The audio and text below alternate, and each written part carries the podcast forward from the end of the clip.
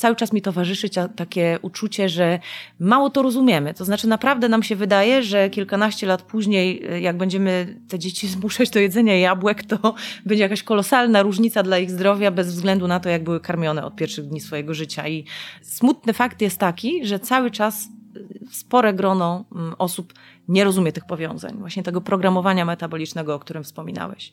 My chcemy leczyć jabłkami już później. Mało myśleć o tym, jak wygląda sam start. Cześć, witaj w podcaście Po męsku o zdrowiu. Dzisiejszy temat będzie myślę bardzo ciekawy, a mianowicie porozmawiam z moim gościem o laktacji, czyli karmieniu piersią ale to nie będą żadne flaki z olejem, bo jeśli mnie dobrze znasz, to wiesz doskonale, że ja nie wyważam otwartych drzwi, a zawsze staram się dotykać tematów, które inni mijają szerokim łukiem. Pogadamy więc o lobby mieszankowym, o tych wszystkich internetowych gównoburzach na mamusiowych forach, ale również o tym, co powoduje, że tak wiele kobiet odpuszcza w pewnym momencie karmienie piersią. Do tej rozmowy nie mogłem zaprosić nikogo innego jak Julitę Chybki, albo jak to woli Dule Julitę międzynarodową konsultantkę laktacyjną IBCLC i gdybym myślał tylko zasięgowymi kategoriami, pewnie sięgnąłbym po kogoś z internetowego szczytu. Ja jednak wybrałem Julitę. Po rozmowie myślę, zrozumiecie dlaczego.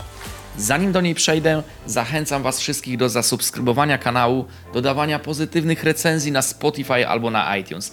W zasadzie nie kosztuje to Was praktycznie nic poza dobrymi chęciami, a mnie pozwala rozwijać mój projekt i docierać do szerszego grona słuchaczy. Zapraszam do rozmowy. Cześć Julita, bardzo dziękuję za to, że przyjęłaś zaproszenie do mojego podcastu, a w zasadzie ty zaprosiłaś mnie do siebie, bo masz przytulne mieszkanko, które sprzyja akustyce i, i dobrym nagraniom. Słuchaj, my znamy się już od e, kilku dobrych lat, e, więc e, ja wiem, czym się zajmujesz, ale chciałbym, żebyś przedstawiła się moim słuchaczom i nie chciałbym, żeby to była tylko informacja, w której powiesz, że pracujesz w cyckach albo z cyckami, bo to nie wystarczy. Chciałbym, żebyś też powiedziała coś więcej o sobie, czym zajmujesz się pozazawodowo, poza cyckami, jakie są twoje pasje, co robisz w wolnym czasie. Okej, okay, to witaj Arturze i witajcie wszyscy, którzy nas słuchacie. E, to ja dziękuję za zaproszenie. E, no i tak, zawodowo zajmuję się współpracą z tymi, którzy czekają na dzieci i już je mają, w szczególności w zakresie opieki związanej z laktacją i karmieniem piersią, bo jestem międzynarodową konsultantką laktacyjną IBCLC. E, najdłużej z tych zawodowych sprawności i odznak jestem dulą, to już będzie 12 lat w tym roku. Przez jakiś czas towarzyszyłam parom podczas porodów. Teraz współpracuję głównie przedporodowo, poporodowo w okresie połogu. E, no więc jakby zawodowo jestem przede wszystkim związana z tymi, którzy stają się rodzicami albo już jedną nogą, albo już obiema nogami weszli w ten etap życia. E, prywatnie ja też jestem rodzicem. E, mam dwoje już teraz starszych dzieci, natomiast od nich wiele z tych zawodowych zainteresowań się zaczęło. I co tam ja jeszcze robię prywatnie? Prywatnie wyplatam makramy dla relaksu, e, a z kolei dla takiego relaksu w postaci wyżycia się e, uprawiam też sport zwany kettlebell, czyli są to takie ciężary zwane ketlami. Wyobraź sobie, że osta ostatnio kupiłem sobie kettlebella jednego, 10-kilowego, e, bo ćwiczę w domu, mam karnet na siłownię, znaczy mam multisporta. Czekaj, przerwę ci. Nie mam takiego małego ketla. Mam w domu większe. To się wytnie. To się na pewno wytnie. Kupiłem sobie 10-kilowego ketla. Właśnie nie miałem punktu odniesienia, nie? Ćwiczyłem zwykłymi hantelkami. Gdzieś tam na YouTubie sobie puściłem e, filmiki, jak się ćwiczy ketlami. I powiem ci zupełnie inny trening. Bardziej mi się to podoba. Niż no tak zmachanie. dociąża. Tak. Naprawdę, zupełnie inne partie mięśni. To jakoś grupami. E, bo, bo, tutaj taki trening izolowany handlami, no to w zasadzie ćwiczysz te jedną partię mięśni, tak? Natomiast y, y, przy ketlu jest jeszcze mm, koordynacja też, nie? Znaczy Bo możesz ćwiczyć jedną partię mięśni, ale w zasadzie fajne jest to, że możesz ćwiczyć całościowo z obciążeniem. Ja zawsze się śmiałam, że mam taką wadę, nie wiem, może to się jakoś fachowo nazywa, może słucha nas jakiś specjalista, że jakoś tak za mało w życiu czuję grawitację i różne sporty, które uprawiałam w życiu, wszystkie polegają na tym, żeby mi dać poczuć więcej tej grawitacji. W związku z tym ketle chyba najlepiej to robią. Może dlatego udaje mi się już kilka lat e, kontynuować. Regularnie chodzę na zajęcia. Super. A to i jakim odważnikiem ćwiczysz, jakim ketlem? Ile no to, to? zależy. No dobra, to, to znaczy, jakbym najmniejszy... jakiś rekord e, przekazać, to moim rekordem jest 80 kilo w martwym ciągu. E, natomiast to jest takie podniesienie z ziemi, tak? Wiem, wiem czym jest martwy ciąg. Tak, natomiast Szok. ćwiczę też dziesiątką. E, co tam ja robię dziesiątką? No nie wiem, na przykład presy robię dziesiątką, dwunastką, e, czyli wyciskanie w górę jest presy, czymś, co... Pres tak, jest co jest dla mnie dosyć trudne okay. jako kobiety, która rzadko trenuje ręce, w związku z tym dużo mniejsze ciężary No to ja dyszką też ćwiczeń. robiłem presy, nie? I to był jeden z pierwszych treningów. Nie było mi ciężko, ale na drugi dzień, pamiętam, gdzie regularnie gdzieś tam ćwiczę handlami, miałem zakwasy, a dawno zakwasów nie miałem. Dobra, y, sorry za, sorry za dygresję. Przejdźmy od ketli do, do meritum. Powiedziałeś, że jesteś dulą, jesteś doradczynią laktacyjną. Yy, musisz, mi, mi również musisz wytłumaczyć, czym to się różni. Kim jest dula, kim jest y, doradca laktacyjny. Czym jest ten certyfikat, tak? EBCLC, tak? Dobrze powiedziałem? Bo dla mnie, wiesz, to jest taki trochę groch z kapustą. Dobra, to jest tak, jakby wszystko bierze się z jednego sklepu, ale z różnych półek, tak bym może takiej metafory użyła. Kim jest dula? Dula to jest niemedyczna osoba, która zajmuje się wspieraniem w takim okresie okołoporodowym. Przed porodem, w ciąży, po porodzie, już jakby ominę mm, działalności dulowe, bardziej marginalne, ale generalnie współpracuje z rodzicami.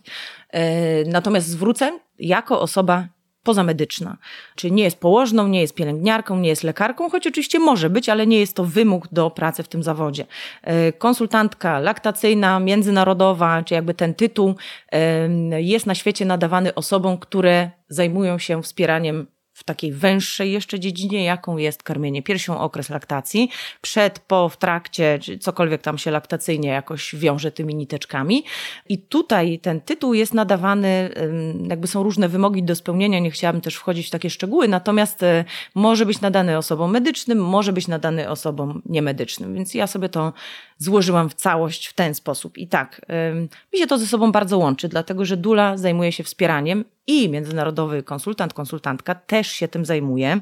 Czyli to nie jest e, taka dziedzina stricte medyczna, że nie wiem, komuś zapiszę receptę na to, żeby miał więcej mleka, tylko jest to połączenie różnych form tego wsparcia, zarówno takich technicznych, żeby pokazać, jak to zrobić, żeby było wygodnie, nie bolały plecy, nie bolały piersi, w sposób taki emocjonalny, czyli też zaopiekowujemy te mamy, którym po prostu ten etap wydaje się ciężki na różne sposoby. E, no i też taki sposób informacyjny, czyli e, żeby już na etapie czekania na dziecko wiedzieć, czego się spodziewać, jak wygląda i przebiega laktacja, co ma na nią wpływ, co nie ma na nią wpływu, jak poradzić sobie z tym, jakie miliony mitów krążą we wszystkich społeczeństwach na temat tego, jak wygląda karmienie piersią. No więc jakby szerokie dziedziny, moim zdaniem bardzo e, mimo wszystko wąskie pod tym względem, że w każdym z tych przypadków zajmuję się wspieraniem. Czyli zawsze to podkreślam i tu też chciałabym to podkreślić, że nie jestem osobą, której zależy na tym, żeby wszystkim wcisnąć karmienie piersią, tylko żeby e, pokazać, że ono może być super. E, tym, dla których nie jest super, pozwolić uczynić to etapem, który będzie super. Tak bardzo ładnie o tym mówisz e, przez te ketle, które, które w ogóle nie były w scenariuszu dzisiejszego spotkania. Zapomniałem powiedzieć jedną rzecz i wiesz, znowu powiem, że to bez kurtuazji, bez żadnej wazeliny.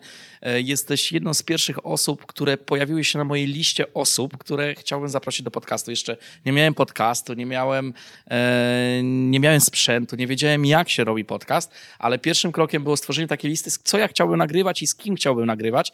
I e, byłaś naprawdę w pierwszej trójce albo piątce osób, które od razu wyrzuciłem w takiej burzy mózgu. A to dlatego, że wiedziałem, że e, ta instytucja doradcy laktacyjnego czy duli ma kolosalne znaczenie. I mam wrażenie, i mówię to jako facet, co też jest takie dosyć, nie wiem, specyficzne, specyficzne e, no, nietuzinkowe, bo mogę powiedzieć, że gdybyśmy nie spotkali Ciebie e, i te osoby, które mm, z Fundacji Centrum Rodziny, z którą wtedy e, współpracowałaś, to myślę, że dzisiaj nie opowiadałbym w ogóle o odporności moich dzieci. Artura Rakowskiego po męsko zdrowiu by nie było, tak? E, więc zupełnie no, to jest też fascynujące, jaki wpływ ma też przypadek trochę, bo to, że my wybraliśmy szkołę rodzenia, tą akurat i, i spotkaliśmy tam ciebie, no to to było czyste dzieło przypadku, więc dlatego chciałem nagrać ten podcast, dlatego, żeby zachęcać wszystkich ludzi, którzy naprawdę myślą o tym, o odporności swoich dzieci, o tym, że żeby ich dzieci w przyszłości nie chorowały, żeby zaczynać od podstaw, tak? Bo dużo się mówi o tym programowaniu metabolicznym, o tym, że mamy wpływ już dużo wcześniej, jeszcze w okresie prenatalnym na, na pewne rzeczy e, poprzez odpowiednią dietę i prowadzenie się również mentalne, tak również e, uważam, że karmienie piersią to jest taka podstawa, taki punkt wyjścia e, do tego, żeby w ogóle coś w temacie odporności działać. A ja jeszcze coś dodam do tego, bo aż mi się przypomniała taka zabawna historia z dalekiej już przeszłości. Też jakoś nie wspomniałam o tym, natomiast y, lokalnie, na takim lokalnym rynku zajmuję, zajmuję się, zajmowałam się pisaniem różnego rodzaju projektów, których celem było właśnie y, dotrzeć do tych, którzy chcą karmić piersią. I do dzisiaj pamiętam, jak dawno temu, już będzie 10 lat, zdaje się, za chwilę, e, składałam taki wniosek dotyczący programu y, związanego z przeciwdziałaniem otyłości. I usłyszałam, usłyszałam wtedy od jednej z osób, która ten wniosek widziała, że z tą otyłością to zasadniczo chodzi o to, żeby rozdawać jabłka w szkołach, no bo to zapobiega otyłości, a nie jakieś karmienie piersią. Przecież w ogóle jaki to ma związek z otyłością i co ja tu chcę udowodnić, jakieś po prostu gruszki na wierzbie. I cały czas mi towarzyszy takie uczucie, że mało to rozumiemy. To znaczy naprawdę nam się wydaje, że kilkanaście lat później, jak będziemy te dzieci zmuszać do jedzenia jabłek, to będzie jakaś kolosalna różnica dla ich zdrowia bez względu na to, jak były karmione od pierwszych dni swojego życia. I smutny fakt jest taki, że cały czas y, spore grono mm, osób nie rozumie tych powiązań, właśnie tego programowania metabolicznego, o którym wspominałeś. My chcemy leczyć jabłkami już później. Mało myśleć o tym, jak wygląda sam start. To jest podwójnie niezrozumiałe z tego powodu, że mamy XXI wiek, nieograniczony dostęp do, do łatwo przyswajalnej wiedzy, jak, jaką jest internet. Wiadomo, że internet to jest śmietnik, e, jest dużo przysłowiowych główien, natomiast no, jak się dobrze poszperać, to znajdziemy tam e, prawdziwe perełki, ale mimo to przy takim dostępie do tej wiedzy, e, nie tylko mówię o karmieniu piersią, ale o takich rzeczywiście podstawach e, funkcjonowania człowieka, dbania o zdrowie, jesteśmy no, no bardzo, bardzo w tyle. Zastanawiam się, na ile to jest też taka specyfika prowincji naszej tej zielonogórskiej, bo myślę, że w dużych miastach e, jest to troszeczkę inaczej. Ja też miałem styczność na przykład e, ze środowiskiem optometrystów. E, prowadziłem kiedyś taki wykład dla optometrystów na temat szkodliwości działania leków na wzrok, więc zapoznałem wielu, wielu z nich i na przykład troszeczkę już się pewnie rozmieniło, ale w Zielonej Górze, jak ktoś ma problem, nie wiem, ze wzrokiem, e, to pierwsze co idzie do okulisty. Natomiast w Warszawie, w Poznaniu, w dużych aglomeracjach miejskich, czymś naturalnym jest, że osoby, i to również starsze osoby, chodzą do optometrysty. To jest, to jest e, piękne. Wiesz co, w jakimś sensie myślę, że e, obserwuję podobne różnice, e, nasze miasto kontra większe miasta, ale wydaje mi się, że problem jest głębszy i dotyczy w ogóle nas wszystkich i w każdych miastach Europy i, i, i tej części świata, którą znamy. No bo zobacz, jak sobie tak odpalimy telewizję, to wychodzi na to, że o witaminy w życiu możemy zadbać syropem. O wapń to w zasadzie wystarczy, że kupimy dziecku specjalne mleko dobrane do jego wieku i po prostu już w życiu nie musimy myśleć o wapniu, jak te dwie szklanki dziennie zostaną wypite konkretnie tego właśnie produktu. Pij mleko, że, będziesz wielki. Tak, w żywieniu małych dzieci generalnie jakby wkręca się młodym rodzicom, że absolutnie jest to poza ich zasięgiem, żeby skonstruować w domu obiad, który spełni potrzeby żywieniowe dzieci i po prostu absolutnie muszą kupić gotowy produkt. W związku z tym ja też, o czym rozmawialiśmy jeszcze przed e, dzisiejszą rozmową, jestem zatrwożona wpływem takiego marketingu właśnie na to, jak to wygląda w e, odniesieniu do rodziców, a rodzice są bardzo łatwym kąskiem, dlatego że naprawdę ich jedyną intencją jest jest bezpieczeństwo i zdrowie ich dzieci, tym łatwiej y, oszukać ich w takiej sytuacji. Też nie mamy jakichś mechanizmów, które by nas broniły przed tym. Ja sama w zasadzie y, staram się nie oglądać telewizji, bo uważam, że to powinno być w ogóle zakazane ta, ta liczba reklam, która się tam pojawia, a dotyczy naszego zdrowia, nie? I takich drobnych manipulacji.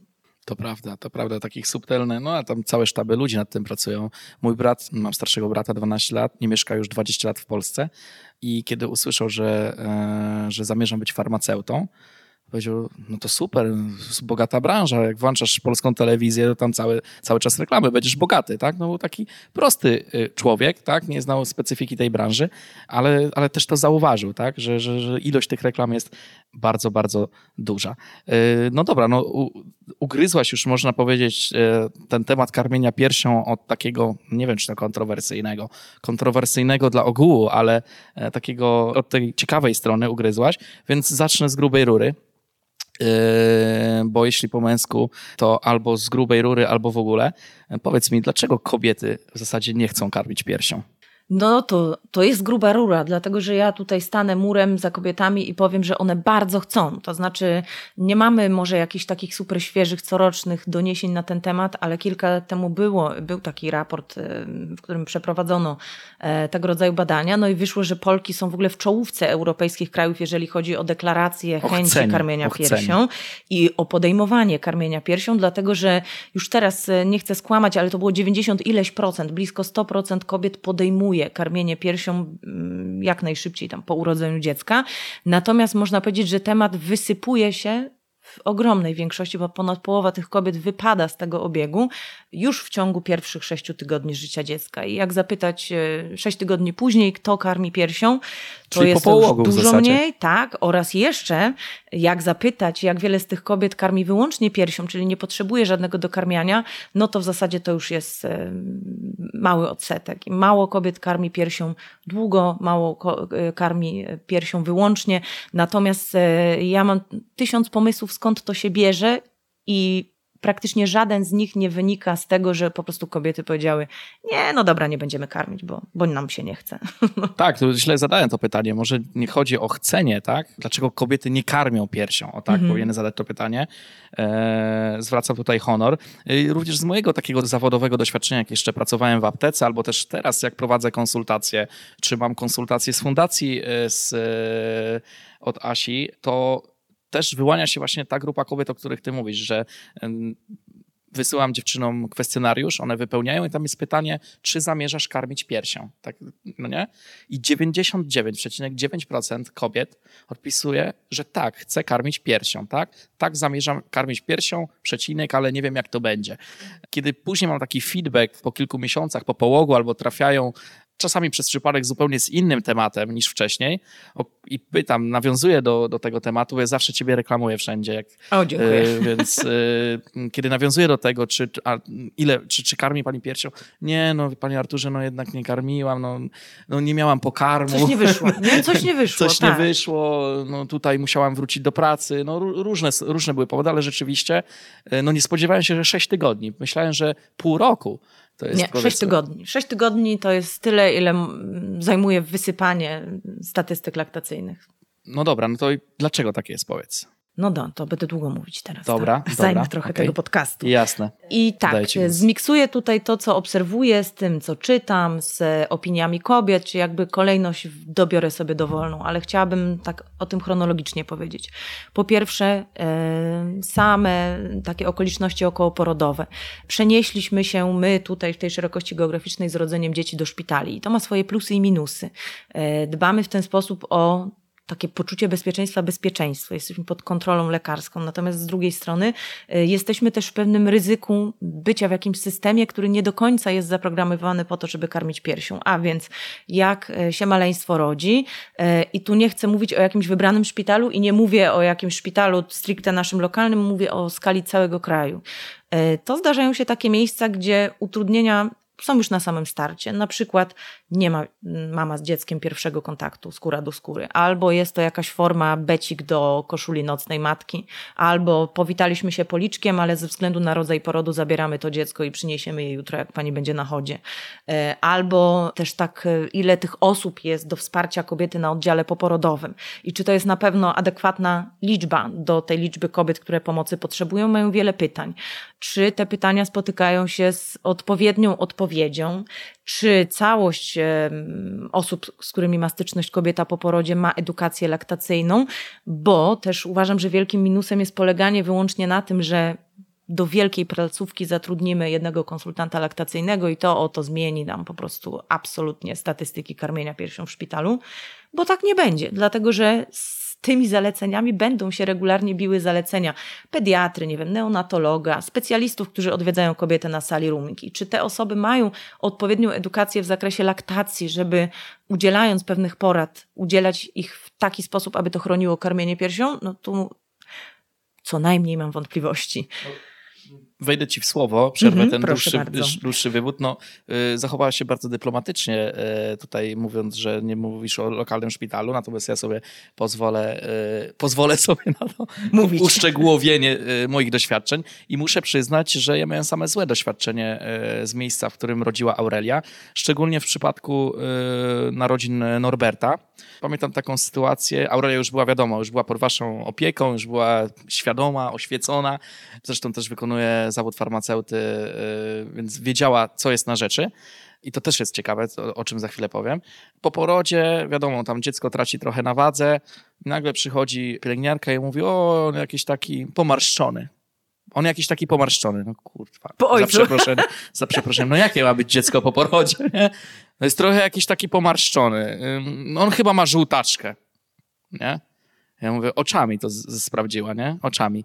I otwiera próbkę mleka modyfikowanego i podaje Aurelii, nie? Aurelia mówi, że ona tego nie chce, nie? Jak wiesz, jak diabeł święconej wody, że ona tego nie chce. A on mówi, jak to? A on mówi, że nie, ja nie chcę. No ty masz problemy z karmieniem, ja widzę. Nie? Pielęgniarka. Aurelia już się zaczyna, zaczyna gotować. On mówi, że sobie ona sobie poradzi, da radę, tak? No i co ja mam z tego zrobić? I już widzę, że wywiera pewną presję, mimo że Aurelia jest zawodem medycznym, że ona była... No, ale tam była mamą, nie? tak, tak była mamą i ona na naprawdę zagrała na jej takich matczynych emocjach. I ja widziałem po Aurelii, że ona zaczyna mieć wątpliwości. Patrzy na, na tego Norberta i za chwilę powiedziała, że nie, że ona nie chce. On mówi, no co ja mam z tym? Otworzyłam to mleko. I, ja się wtedy włączyłem do rozmowy, się zdenerwowałem. Mówię, no to proszę wylać do zlewu. Mówi, jak ja mam to wylać? Ja mówię, no już się zdenerwowałem. Mówię, dostała pani od przedstawiciela to mleko za jeden grosz, tak? No chyba to nie jest jakiś wielki problem, żeby go wylać, nie? I pani odwróciła się napięcie i poszła. A yy, za po 15 minutach, i nie wiem, czy wtedy do ciebie nie dzwoniliśmy. Mi się wydaje, że wtedy dzwoniliśmy do ciebie i ty nam podsunęłaś ten pomysł e, z kieliszkiem i z e, cewnikiem. Okej, już nawet nie pamiętam. No. I ja wracam do e, dyżurki pielęgniarskiej i mówię, że poproszę cewnik taki i taki. One się na, one się na siebie patrzą, nie? Facet. Podaje jakiś cewnik e, fi. Mówię, coś, coś jest nie halo, ale po co? Ja mówię, potrzebuję. Moja żona potrzebuje, nie? I przyszła z tym cewnikiem i ona, nie wiem, czy może ta osoba tego nie wiedziała, jak zobaczyła, co, co, co Aurelia robi, tak, no to machnęła ręką i, i po prostu poszła sobie, nie? Więc ja mam same złe doświadczenia niestety, tak? Nie wiem, nie pamiętam, czy Aurelia korzystała z ze szpitalnego doradcy laktacyjnego. Yy, Wydaje mi się, że na pewno była jakaś tam ocena, nie? Bo chyba musi być, nie? A- No tu jest właśnie różnie, w różnych szpitalach. Natomiast y, pytanie o dostęp jest też pytaniem o to, czy to jest 7 dni w tygodniu, czy to jest 24 godziny na dobę. Jeżeli szpital zatrudnia jedną taką osobę w godzinach od takiej do takiej w tygodniu, no to nie można powiedzieć, że to jest pełna opieka i jaki masz problem, taki zostanie rozwiązany. No tak, A pewne to potrzeba, kłopoty potrzeba jest tu i teraz. no właśnie, nie za 12 godzin na przykład, czy nie po weekendzie na przykład, więc y, systemowo niekoniecznie to działa już na samym starcie. No i tak, powiedziałeś o tym takim utraceniu pewności siebie, czyli czasem nie trzeba mieć wyraźnych wskaźników na to, że coś nie idzie, ale matka, która urodziła dziecko jest w takim wrażliwym stanie psychicznym, że wystarczy podkopać jej wiarę w siebie i taką mm, pewność, poczucie, że jej ciało dobrze zadziałało. Zwłaszcza, że kobiety są różne i weszły z jakimiś doświadczeniami porodowymi, czyli może się okazać, że sam sposób y, przebiegu porodu już nadszarpnął ich pewność siebie, więc w zasadzie wystarczy drobne jakieś słowo dzień, dwa dni później i okej, dobra, coś tu nie działa, dużo nie działa wokół mojego ciała, więc ja już się nie odzywam, tracę pewność, zamiast takiego dmuchnięcia skrzydełka mamy w ogóle, proszę schować te skrzydła, nie przydadzą się na tym etapie. No i potem wychodzimy do domu i żeby nie było, że tylko marudzę, jestem mamą, która doświadczyła takiej opieki, jaką ona była kiedyś, przed ym, takim łatwym dostępem do opieki poporodowej, choćby położnych rodzinnych.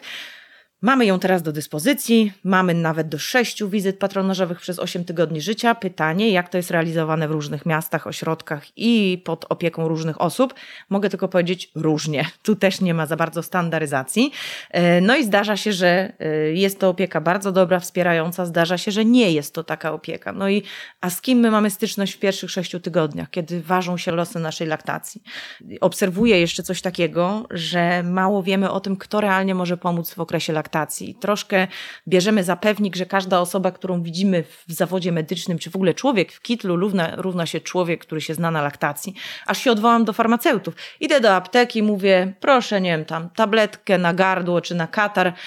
Pani pyta, czy karmi pani piersią, niosę ze sobą dziecko i tak karmię. Oto, przepraszam, niczego nie mogę zapisać, tylko miód, lipa, koniec.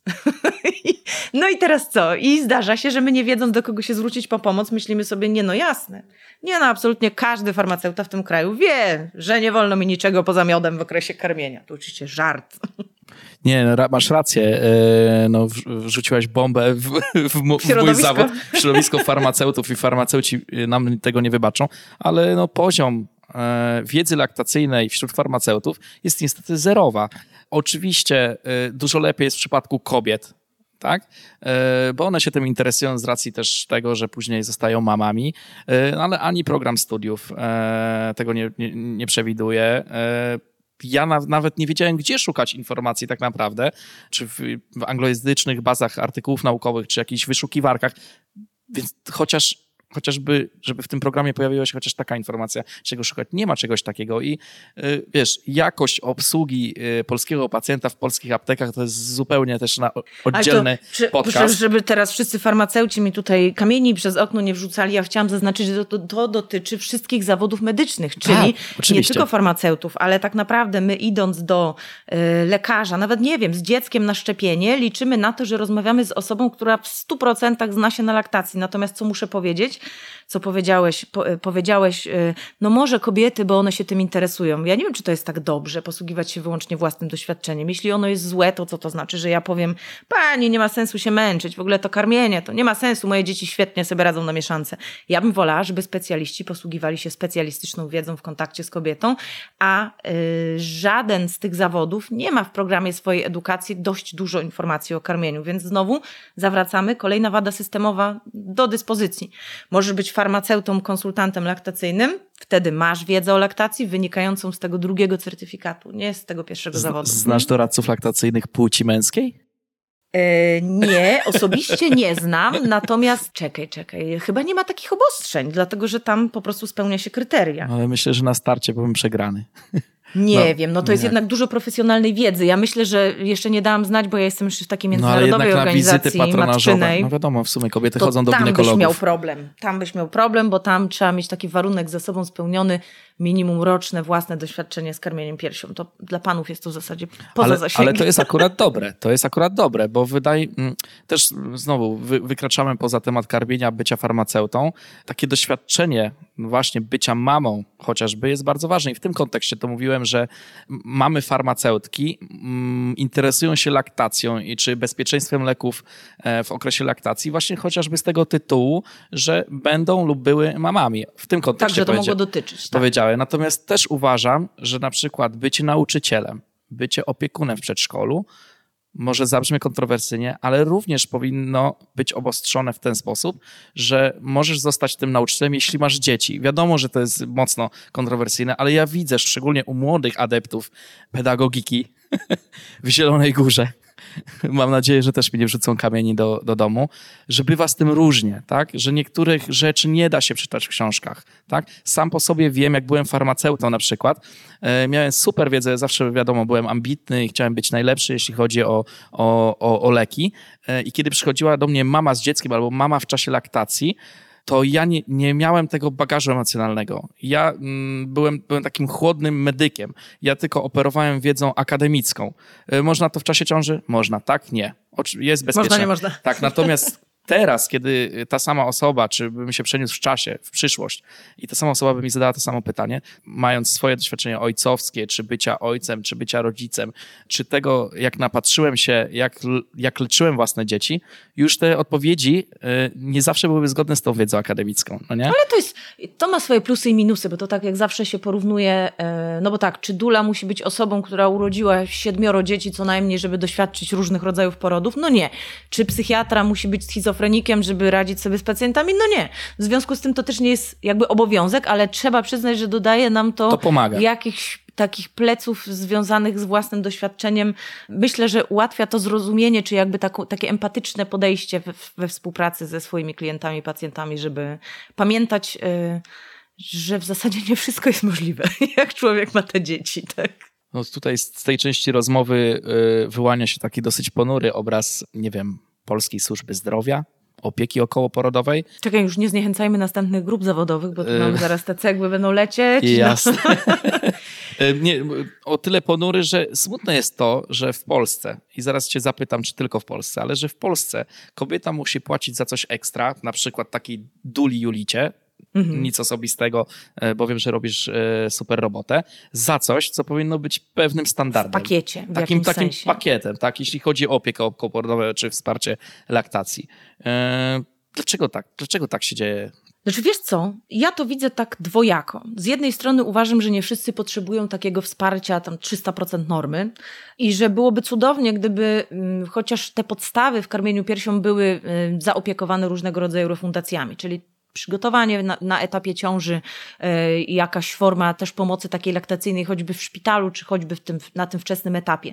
Natomiast pewne usługi, umówmy się, są też takie dosyć ekstra. Przeprowadzenie kogoś przez jego jakby takie bardzo indywidualne sprawy związane z karmieniem piersią i laktacją, bo też różnego poziomu wsparcia będziemy jako rodzice potrzebować. I niektórym będzie wystarczyć to, co bardziej podstawowe, niektórzy będą potrzebowali więcej. Ja też mam w sobie taki bunt na to, bo spotkałam się z tym, że, że w ogóle to jakby musi być wszystko, wszystko od A do Z zaopiekowane jakoś zewnętrznie, żeby czasem nie musieć ani grosza wydać na tego rodzaju usługi. Ja tak nie uważam. Jak y, zostajemy rodzicami, to mm, w różne rzeczy inwestujemy swoje środki finansowe. I oczywiście na przykład mamy do dyspozycji w ramach ubezpieczenia, nie wiem, e, rehabilitację dziecka u fizjoterapeuty, czy mm, nie wiem, z, z, my korzystamy z opieki ginekologicznej czy położniczej, ale jednocześnie są usługi, nie wiem, wyobrażam sobie fizjoterapeutę uroginekologicznego, albo e, postanowiłam mieć domową wizytę fizjoterapeuty, za co płacimy ekstra i tu musimy chyba bardziej też przywyknąć, że ten pakiet może różnie wyglądać. Co my tam dostajemy? Mi by się w ogóle bardzo podobało, żeby na etapie przygotowania do posiadania dziecka nie skupiać się tylko na tym, żeby rodzice mieli ładnie w pokoiku dziecka, dziecka, przepraszam, nie skupiać się tylko na tym, żeby było piękne łóżeczko z baldachimem, odmalowane ściany, balony i powitanie mamy wychodzącej ze szpitala. Oczywiście to jest bardzo ważne, nie chciałabym tego w żaden sposób umniejszać, ale jednocześnie e, skoro tyle uwagi poświęcamy, nie wiem, wyborowi wózka, e, włącznie z kolorystyką tapicerki, to uważam, że powinniśmy też otoczyć uwagą to, co się będzie działo bezpośrednio po porodzie i bardzo mi się podoba, że coraz więcej kobiet robiąc te różne spotkania, mother shower, baby shower, nie oczekuje tortu z pieluch, tylko na przykład karnetu na spotkanie z jakimś specjalistą, który może w okresie połogowym czy poporodowym jakoś e, w takiej sytuacji wesprzeć. Ale zawracając do tego bazowego pytania, tak, uważam, że za mało mamy e, takiego systemowego wsparcia finansowego też celnie tutaj powiedziałeś, że też nie ma sensu polegać tylko na tym e, systemowej opiece okołoporodowej czy wsparciu laktacji, e, bo to też w pewnym sensie, bo to jest takie trochę socjalistyczne podejście, no nie? Mi się należy, ktoś powinien za mnie coś zrobić, tak? Jakby oddajemy odpowiedzialność innym osobom. Jest jak jest, nie wiem, nie jesteśmy Don Kiszotami, nie, nie, nie, chcemy być Don Kiszotami, więc tutaj e, nie zawrócimy biegu, biegu rzeki. Musimy brać życie jakim jest i skupiać się na tym, na co mamy wpływ, a mamy wpływ rzeczywiście na to, żeby korzystać właśnie z tych, e, z tych usług, czy doradcy laktacyjnego, czy fizjoterapeuty uroginekologicznego. Moja Aurelia e, również korzystała, e, więc, e, więc tak, tak. No tu przypuszczam, że możemy wymienić wiele branż. Chodzi o to, że ten pakiet potrzebnych rzeczy po porodzie, przed porodem dla każdego będzie wyglądał inaczej. Tak. Chciałbym jeszcze na moment wrócić do tych kobiet, o których na początku mówiliśmy, o tych kobietach, do tych kobiet, które chcą karmić piersią, ale później z jakiegoś powodu odpuszczają. E, czy z Twojego doświadczenia są jakieś takie, nie wiem, checkpointy, kamienie milowe, e, które decydują o tym, że kobiety rezygnują z karmienia i być może to są te momenty, w których właśnie Ty powinnaś wkroczyć, czy to jest dobry moment, żeby zadzwonić do Ciebie? Tak, są takie checkpointy. Nawet czasem we współpracy z własnymi klientami uprzedzam o najbliższym checkpoincie, żeby było wiadomo, e, czego się spodziewać na jakimś etapie. Pierwszym z nich jest to, co się dzieje bezpośrednio po porodzie, czyli jeżeli poród był no nazwijmy go trudny, nie chciałabym robić tutaj wykładu szerokiego, więc poprzestanę na jednym słowie. Może się okazać, że nasze dziecko w pierwszym kontakcie nie chwyciło piersi. No i dla wielu z nas to oznacza, Jezu, no to już, po temacie, no po prostu nie chwyta, nie ma tematu, więcej nie próbuję. A może się okazać jednocześnie, że odpowiednie sposoby na załagodzenie sytuacji okołoporodowej, dużo kontaktu skóra do skóry i parę jeszcze innych rzeczy, które w międzyczasie utrzymują laktację, może spowodować, że ten maluszek za 2-3 dni jednak to zrobi. E, drugi checkpoint to jest właśnie to zachwiane poczucie pewności siebie w pierwszych dobach po porodzie. Dlatego, że często się spotykam z tym, ja nie mam mleka, ja mam mało mleka. Po pierwsze chcę się odwołać do tego, nie mam mleka. Masz piersi, masz mleko. Nie ma takiej możliwości, żeby mając gruczoły piersi, nie mieć go wcale, bo ono jest w piersiach od połowy ciąży, jest jej konsekwencją. Nie? To jak być w ciąży i powiedzieć, ale ja nie mam łożyska. No jest to po prostu technicznie nie do zrobienia, nasze ciało tego nie potrafi. Ale są e, pewne systemowe, ale już tym razem tego systemu między mamą a dzieckiem trudności, które powodują, że mleko do obiegu nie wchodzi, czyli ono do dyspozycji w naszym ciele jest, jakby ta restauracja ma wydane posiłki, ale nikt ich nie odbiera. No i tutaj znowu mogłabym pewnie zrobić jakiś wykład edukacyjny, ale dotyczy to sposobu przystawienia, pozycji dokarmienia, reagowania na oznaki gotowości do karmienia dziecka, dokarmianie, używanie smoczka, e, czy nieużywanie tych rzeczy. E, to może być wreszcie jakieś trudności ze ssaniem, napięciem mięśniowym u samego dziecka, duże napięcie u samej mamy, duża bolesność związana z jakimiś urazami okołoporodowymi, czyli na szybko tę listę z głowy przywołuję, można by wymienić dużo rzeczy, które mają na to wpływ, e, że mamy mleko, nie widzimy mleka albo nie widzimy efektów spożywania tego mleka. Więc następny checkpoint to jest właśnie ta druga, trzecia doba, kiedy jeszcze czekamy na takie poważne wizualne oznaki, że tam naprawdę dzieje się impreza w piersiach. E, no i Następny checkpoint to jest ta impreza w piersiach, czyli nawał, dużo mleka, czasem dyskomfort. W związku z pewnymi rodzajami porodu, dyskomfort dla niektórych kobiet bardzo duży. W związku z tym, jeśli nie są uprzedzone mm, przez kogoś choćby na etapie pobytu w szpitalu czy przygotowania do karmienia, albo nie mają narzędzi, jak sobie radzić z nawałem, to może być ten kryzysowy moment, w którym, no pierwsze co mi przychodzi do głowy, w trudnym nawale, pozostawionym bez odpowiedniego wsparcia, można dostać zapalenia piersi. No i na przykład postąpić z nim starodawnie i na tym zakończyć swoje karmienie. No i wreszcie, y, na szczęście te checkpointy się troszkę rozsuwają z czasem, wiekiem dziecka. Kolejne z nich dotyczą tego, jak przebiega właśnie pierwszych kilka tygodni, powiedziałabym trzy, sześć, coś w tym rodzaju. Czyli jak rośnie ilość mleka, stymulowanie dziecka, e, czy dzieckiem tej laktacji, jak ona się rozwija w odpowiedzi na to, co się dzieje między mamą a dzieckiem. No i chyba najważniejsze, jak się nie rozwija, co wtedy robimy? Jak rozpoznać, czy jest to odpowiednia ilość mleka, czy dziecko się najada, jak nie wpaść w jakąś kolejne, bo czasem zachowanie dziecka może nas fałszywie wbić w poczucie, że coś nie gra i wtedy zaczynamy taką lawinę interwencji w karmieniu związaną z dokarmianiem i jego konsekwencjami. Ja się właśnie spotkałem e, z taką sytuacją, e, już nie pamiętam, e, ale co najmniej dwukrotnie, z taką sytuacją, że kobieta tak naprawdę nie wie, jaką objętość mleka jest odpowiednia dla dziecka na początku, zaraz na przykład po porodzie. I te, te, dwa przypadki kobiet było zaskoczonych, akurat to było u mnie na konsultacji, że w zasadzie e, taki noworodek, czy w pierwszych dobach życia, tego mleka jest naprawdę bardzo mało, bo to jest... E, krople, to, to są, mililitry. krople, to tak. są mililitry. I kiedy im pokazałem w próbówce w aptece, ile to jest 1 mililitr, 2 mililitry, czy na szczykawce, to naprawdę. Okej, okay, to mam tyle jednak, nie? No to jednak z moją laktacją jest wszystko tak. w porządku. Ale znowu zawracam do tego, że ja bym bardzo chciała, żeby wszystkie kobiety były świetnie przygotowane do y, karmienia piersią, ale y, znowu odwołam się do naszych doświadczeń rodzicielskich, naszych, naszych znajomych, bliskich, już takich pozazawodowych. No, że czasem tak się zdarza, że się po prostu dobrze nie przygotowujemy do nowego etapu. Jesteśmy tak spięci narodzinami dziecka, że wszystkie siły ładujemy w poród, przygotowanie do porodu, a potem to jakoś to będzie jeszcze karmienie się tak mylnie nazywa naturalne, czyli tak po prostu przychodzi, nie? Naturalnie, prostu jak katar, nie? Budzisz się jednego dnia, masz nagle laktację, karmienie, nic nie trzeba robić. E, no i nie u wszystkich tak będzie, dlatego że to, co przed laktacją, nie zawsze przebiega w sposób taki supernaturalny, żeby karmienie było naturalną konsekwencją. I tu mam na myśli nawet choćby ten kontakt skóra do skóry. E, więc ja mam więcej pretensji do tych specjalistów, którzy powinni stać na straży e, dobrych informacji. Powiedziałeś tutaj tej sytuacji, że pomarszczone dziecko. No, no, dla mnie wskazaniem do dokarmiania byłoby, gdyby to dziecko spadało na wadze, gdyby nie, nie robiło odpowiedniej liczby kupek, gdyby rzeczywiście były jakieś informacje związane z żółtaczką dziecka, to nawet jeżeli ktoś powie, mm, no żółtaczka nasilona, to przede wszystkim potrzebujemy się zaopiekować karmieniem, zintensyfikować karmienie, spieszyć piersi mam na myśli, i zadbać o to, żeby tamtędy szło jak najwięcej, czyli żeby z tych półek poszło w stronę dziecka, y, ile się da. No więc jakby cały czas zawracam do tego, że ja bym chciała dużo winy zdjąć z kobiet. My mamy taką tendencję, takiego plucia sobie w brodę. Nie wyszło mi, bo to ja miałam coś z ciałem za mało mleka, albo dowiedziałam się parę lat później, jak to działa i mówię, nie, no nie wyszło mi, bo wiedzy miałam za mało. Co to za różnica? Ja nie jestem jedyną odpowiedzialną osobą. To znaczy, ja powinnam trafiać na ludzi w opiece okołoporodowej, którzy mi powiedzą, o co ja mam pytać, tak? Bo ja nie wiem, o co pytać, jak jestem pierwszy raz w życiu rodzicem. To ja się nie spodziewam, tak? Że miałam mieć właśnie tyle mleka. To tyle to ja miałam i wylałam, bo uznałam, że to za mało, na przykład. Bardzo ważną rzecz poruszyłeś tutaj o tej informacji płynącej e, ze strony też personelu medycznego.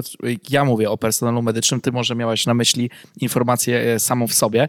Według mnie brakuje takiej rzetelnej uczciwej informacji e, na temat tego, jak, w jaki sposób zmedykalizowany poród, tak? Nie, nie mówię o cesarskim cięciu, chociaż wiadomo, ale ogólnie zmedykalizowany poród wpływa na laktację. I y, gdybym znowu nie trafił pod wasze skrzydła, pod twoje skrzydła i fundacji, to jako farmaceuta e, nie wiedziałem, jak leki, które są stosowane w czasie porodu, tak, czy przeciwbólowe, czy oksytocyna, jaki mają wpływ na laktację. Co jeszcze ma? Możesz, możesz rozszerzyć ten temat? Co może mieć wpływ na, na laktację? Już mówię. W ogóle bardzo. bardzo się cieszę, że mogę tak rozszerzać te tematy. Ja chciałam przede wszystkim powiedzieć, że wydaje mi się, że od dawna zmedykalizowaliśmy karmienie piersią. Wcześniej uczyniliśmy to z porodem. To znaczy, wydaje nam się, że e, dziecko wypchnięte na powierzchnię, żywa, zdrowa mama i dziecko, to jest absolutnie wszystko, czego możemy od porodu wymagać, a potem próbujemy to przenieść na karmienie, czyli traktujemy trochę dziecko i mamę jak wtyczkę i kontakt. Są już po porodzie, to teraz jedno chwytamy za głowę, drugie za pierś, cyk, pyk, łączymy, załatwione. Straszny mam na to bunt, dlatego że tam ogromną warstwą jest samopoczucie i mamy i dziecka, i fizyczne, i psychiczne. I teraz y, jak, jakiego my samopoczucia spodziewamy się po kobiecie, która bardzo długo rodziła, zastosowano tam cały szereg różnych y, no powiedzmy, ledwo się udało, wszyscy są po prostu wymęczeni na koniec, y, jeszcze po jakichś lekach. I my wymagamy, żeby odciąć jakąś grubą kreską i nie czuć konsekwencji tego, co się działo w trakcie karmienia. Przecież te konsekwencje będą obecne już w pierwszym kontakcie. Już w takim właśnie poczuciu pewności wobec własnego ciała, jeżeli chodzi o samą mamę dziecka, czyli jej nie trzeba podać jakiegoś leku, jej wystarczy wstrzyknąć w żyły brak pewności siebie i to już jest lek, który będzie robił bardzo wiele szkód w początkach karmienia. W związku z tym przede wszystkim musimy pamiętać, że jak dbamy o to, żeby mimo wszystko było jak najbardziej po królewsku dla tej pary, bo to oni są tam najważniejsi, przy czym mówiąc para mam na myśli mamę i dziecko. Przepraszam za tatów, że ich zapomniałam, ale oni też są tam bardzo ważni. Do ojców jeszcze tak, przejdziemy. Y, natomiast jakby fizycznych konsekwencji konsekwencji najczęściej na tym etapie jeszcze nie ponoszą. Więc myślę, że jak odpowiednio zaopiekujemy się takim najprostszym samopoczuciem mamy i dziecka, to wtedy możemy oczekiwać, że cokolwiek do nas przyjdzie naturalnie w okresie karmienia naturalnego.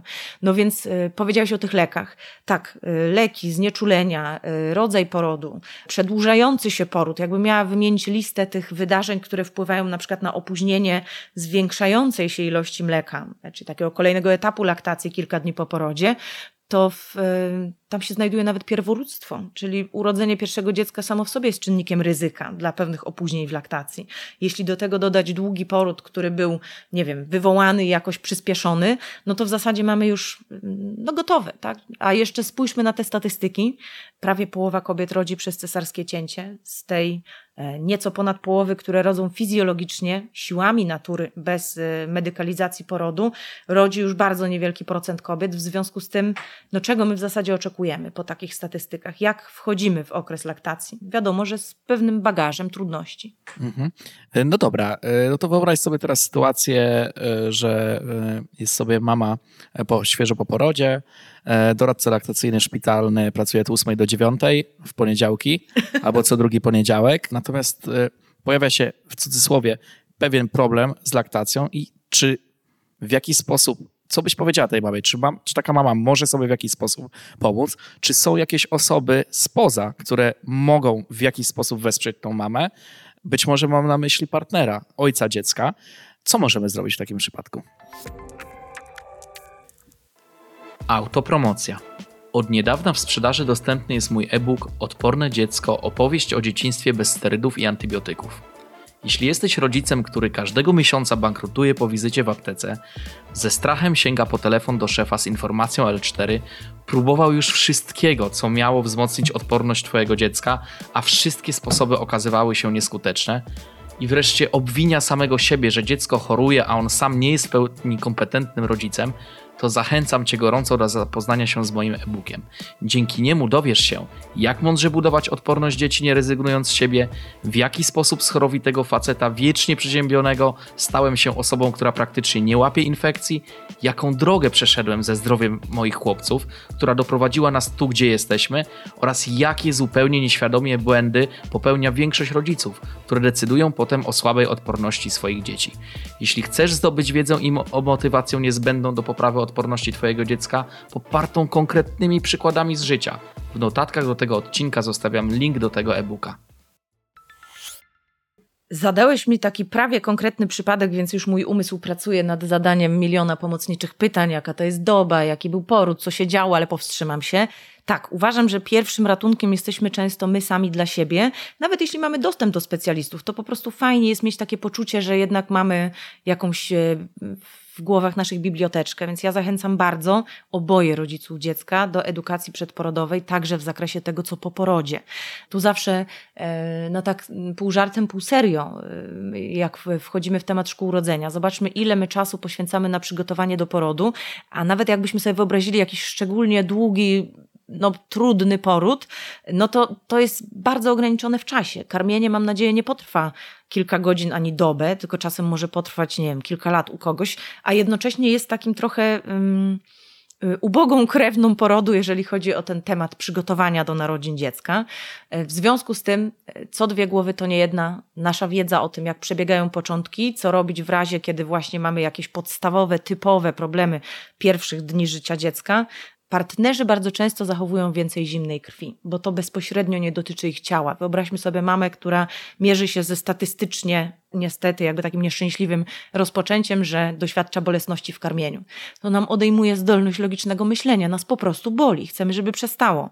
E, no i myślę sobie, że wtedy taki głos z zewnątrz, oczywiście nie całkiem obiektywny, bo to nadal tata dziecka, jest pomocny w tym, żeby sobie przypomnieć, jakby wrócić do bazy, rzucić kotwicę, jakoś sobie pomóc z tym, co wiemy. No dobra, no to jak facet może pomóc e, w trudnej sytuacji? I wiesz, i nie przyjmuję tutaj odpowiedzi od ciebie, że e, może pomóc nie przeszkadzając. Nie, no w ogóle taka odpowiedź nie wchodzi w grę. Ja bardzo, ja po prostu uwielbiam angażować ojców, bardzo lubię takiej wizyty, na, których, na której oni są obecni, bo po pierwsze, nieraz byłam świadkiem, świadkinią sytuacji, kiedy tata był osobą techniczną do pomocy w pozycjach do karmienia. Nawet zdarzyły mi się takie skrajne przypadki, że to tata przystawiał dziecko do piersi na życzenie mamy. Ona mówiła, że jakby jego rękami to lepiej Super. wychodzi.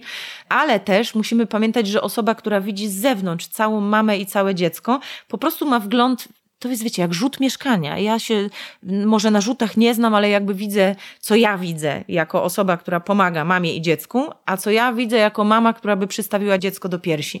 W związku z tym takie oczy z zewnątrz, ręce z zewnątrz mogą na przykład pomóc zauważyć, że oto garbie się nad dzieckiem, a ta ręka to miała być niżej, a może jednak oprzeć plecy. Druga strona, że może sam technicznie się tym tata zająć, donieść poduszkę. Jak mamy noworodka na rękach, jesteśmy po porodzie, to każdy ruch oszczędzamy te ruchy, czyli żeby nie za dużo.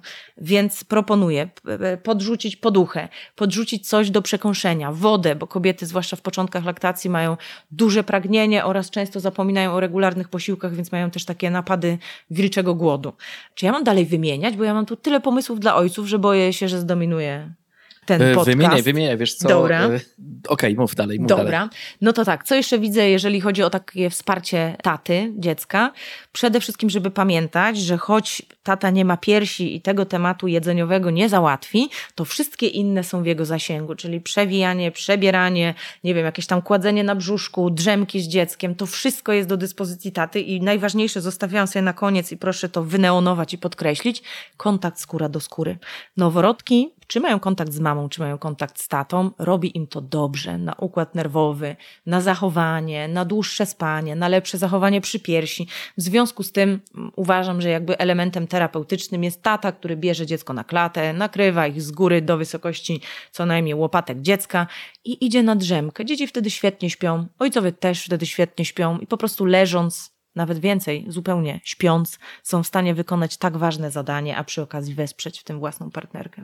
Przed chwilą uprzedziłaś moje pytanie, bo my się tak naprawdę tutaj skupiamy na tych pierwszych momentach. Wyobrażam sobie po powrocie do domu albo jeszcze w czasie pobytu w szpitalu. E, skupiamy się na tej roli ojca. Natomiast e, chciałbym też się pogadać, a już w zasadzie e, już częściowo powiedziałaś o tym, o tej roli ojca później, tak?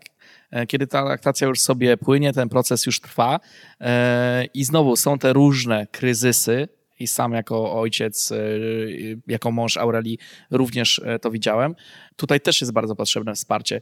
I mm, też faceci nie mogą, nie wiem, czuć mm, jakiegoś poczucia winy, bo my tego po prostu nie rozumiemy.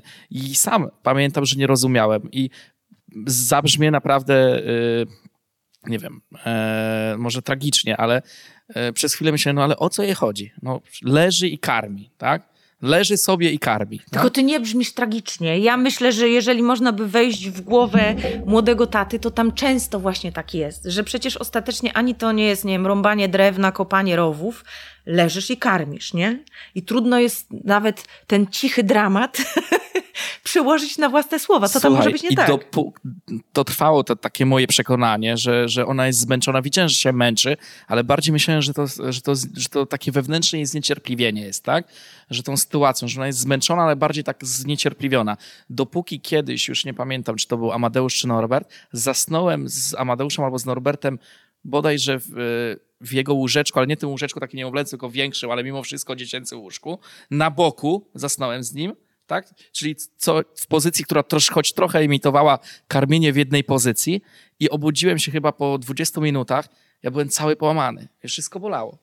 I wtedy dopiero zmieniłem tą perspektywę. Aha, to nie jest takie sobie leżenie w nocy, to kobieta chyba nawet... Znaczy wiesz co, to jest mhm. jedno, bo można się oczywiście tak położyć, że będzie nam wygodnie jakoś szukać pozycji, ale nawet chodzi mi o sumaryczny czas tego tej potrzeby dotyku, związanej przede wszystkim oczywiście z karmieniem, ale nie tylko, z taką obecnością dziecka, że matki często mówią o tym, nawet nikt na to nie znalazł dobrego czasownika, czy przymiotnika w zasadzie, że są takie wydotykane, że ktoś mógłby przestać mnie dotykać przez jakiś. Czas. Tak, tak, tak. E, dla mnie jako rodzica to też było niejasne, jak to czułam. Dopiero z perspektywy zawodowej e, e, znalazłam na to jakieś określenie, jakiś sens. Mi było też trudno powiedzieć, co ja się czepiam. Byłam w domu z dzieckiem, a po prostu zaraz mi czaszka eksploduje. A tymczasem rzeczywiście mogę powiedzieć jakieś takie poczucie odrębności, że możesz po prostu wyjść z tej sytuacji. To jest coś, czego na początku brakuje. W związku z tym tata, który naprawdę po prostu bierze dziecko i jakoś się nim zajmuje, jest pod tym względem najprostszą, no właśnie, najprostszą tak. rzeczą, tak, że tutaj nie trzeba e, jakby odkrywać na nowo koła. Te najprostsze rzeczy, takie już, myślę, że ojcowie mm, szybko się odnajdą w, takich, no, w takim zadaniowym podejściu, tak? E, nawet najprostsze e, wyręczenie tej kobiety jest największym wsparciem. Rozmawiamy tutaj o Mm, roli ojca w tym momencie, w przebiegu tej laktacji y, i o takiej tej jaśniejszej stronie, mam nadzieję. Y, natomiast y, wiemy doskonale, ja i ty, że męski świat pośrednio przyłożył swoją rękę do tego, by jednak tą naturalną laktację zaburzać. E, mam na myśli tutaj e, marketing e, mieszanek. Trzymam tutaj w ręku książkę Odstawieni Jennifer Grayson, Ewolucja karmienia piersią, historia kontrowersji. Polecam tą książkę no, wszystkim mamom, nie tylko mamom, nawet kobietom, które już nie karmią piersią, które już są dawno po laktacji, nawet nie planują bycia jeszcze raz, kolejny raz mamą, bo książka jest bardzo ciekawa. Aurelia wysyłała mi screeny z tej książki, zaznaczone fragmenty i dla mnie to było no coś, to, wiecie, to tak jak są na, na Netflixie albo gdzieś tam na YouTubie są, jest taka seria Tajemnice Korporacji. E, w jaki sposób, e, to nie są żadne teorie spiskowe, tylko to są twarde fakty na temat tego, jak, jak ta ewolucja karmienia piersią, jak ciężko w zasadzie ten taki ruch naturalnej laktacji się rodził, w bólach, tak? Jakie miał przeszkody i to często na najwyższych szczeblach, można powiedzieć, nawet władzy. To, to, to jest fascynujące, więc bardzo polecam tą książkę. Mnie zafascynowała jedna rzecz, o której rozmawialiśmy przed nagraniem. Ja nie byłem tego świadomy, ale seksualizacja kobiecych piersi miała bardzo duży udział właśnie e, w przeszkadzaniu w tej laktacji i ja myślałem, że kobiece piersi, ta seksualność kobiecych piersi jest taka ogólnoświatowa. Natomiast okazuje się, że mm, tylko w zachodnim świecie facetom podobają się cycki, mówiąc już tak brzydko. E, natomiast na przykład w Afryce, czy gdzieś tam e, u rdzennych mieszkańców innych kontynentów, te piersi nie są jakby takim przedmiotem pożądania. Masz piersi, masz łokieć, masz kolana. Dokładnie, dokładnie. Dzieci nas tego fajnie Ale uczą. ta seksualizacja miała ogromny wpływ. Mogłabyś rozwinąć ten temat, ale ogólnie też opowiedzieć to, co wiesz na temat tej, tej całej historii. Ja bym jeszcze dorzuciła do tej historii, to już myślę, że wtedy w ogóle cała seria Tajemnice Korporacji, książkę e, Gabriel Palmer, Polityka karmienia piersią. Takie książki otwierają nam oczy na to, że część tego, jak przebiegła historia karmienia piersią jest bezpośrednio związane z rozwojem korporacji, których pierwszym e, zadaniem była produkcja e, mieszanek mlecznych, a dopiero później rozszerzyły produkcję o inne produkty żywieniowe. Ze względów jakby takich e, osobistych nie chcę wymieniać tych marek, natomiast No mówiło się o nich jako o sępach, czy jakby korporacjach, które ogromne zyski zbijają na czymś, co nie służy naszemu zdrowiu, jednocześnie wkręcając nas w taki klimat, że Owszem, e, jest to zdrowe, żeby przerzucać się z piersi na e, butelkę i mieszankę. Dla mnie w całej historii tych laktacyjnych, powiedziałabym, oszustw, najbardziej dojmujące było to, co się działo w Afryce, jeżeli chodzi o rozdawanie mleka modyfikowanego jako czegoś takiego, co e, będzie no nie wiem, jakimś takim symbolem zdrowia i luksusu dla dzieci. Co więcej, tu jeszcze w ramach okrutnej ciekawostki dodam, że hostessy, które rozdawały te próbki mleka, były ubrane w taki sposób, który miał sugerować, że są medykami, choć nie były. To też jest chyba taki temat z naszego świata reklam, nie? Te kitle. E, No i teraz co robi taka mieszanka w takiej rodzinie? Jest wprowadzana do diety dziecka, dopóki mamy te puszki, które dostaliśmy w prezencie, to nawet się w miarę dobrze bawimy.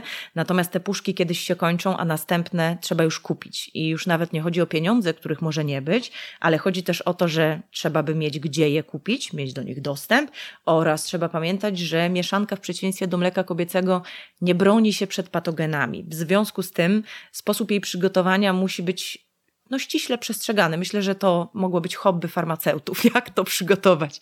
Jeżeli my ją przygotujemy, na przykład w kraju, gdzie nie ma dostępu do czystej wody, no to w zasadzie jest to coś, co stwarza bezpośrednie zagrożenie życia dla naszego dziecka. Co się stało w tym czasie? W tym czasie laktacja niepobudzana obecnością dziecka przy piersi siadła, padła, nie ma jej. A więc Czyli te jesteśmy... dzieci umierały w Afryce? Tak.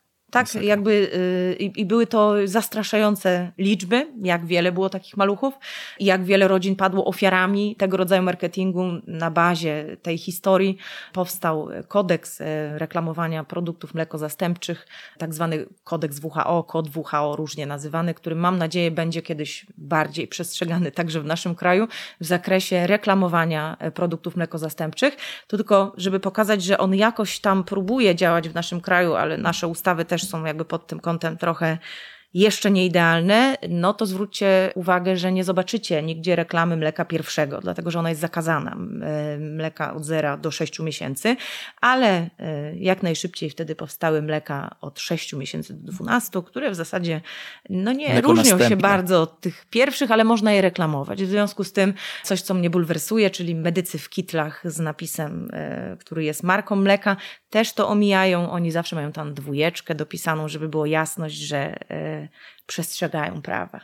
całe pokolenie naszych rodziców e, też padło ofiarą. To, to jest namacalny przykład. Ja mam taki przykład z rodziny. Czasami się z mamą kłócę, wiadomo, syn kontra starsza mama, e, młodzi kontra starzy i często ona z takim wyrzutem do mnie mówi, a wiesz co, a ja cię, ja cię karmiłam mlekiem witaminizowanym. O. Tato musiał jeździć do Nowej Soli rowerem za tym mlekiem, a ty mi się tak odwdzięczasz, a ja wtedy mówię, tak, a teraz e, mam, jestem otyły i mam większe ryzyko zachorowalności na cukrzycę typu drugiego. Ale tak, bo y, nasi rodzice także chcieli dla nas jak najlepiej. To jest w zasadzie wina tych zewnętrznych braku odpowiedniej ochrony rodziców, że na każdym etapie coś próbuje im y, ten biznes wkręcić. No i Zobacz, ja przypominam, że mleko. nadal nam ten biznes wkręca. Tam, gdzie nie ma zabronione, tam ma dozwolone i nadal jesteśmy nieustannie wkręcani, że my coś musimy nabyć, kupić, użyć, bo inaczej będzie ciężko.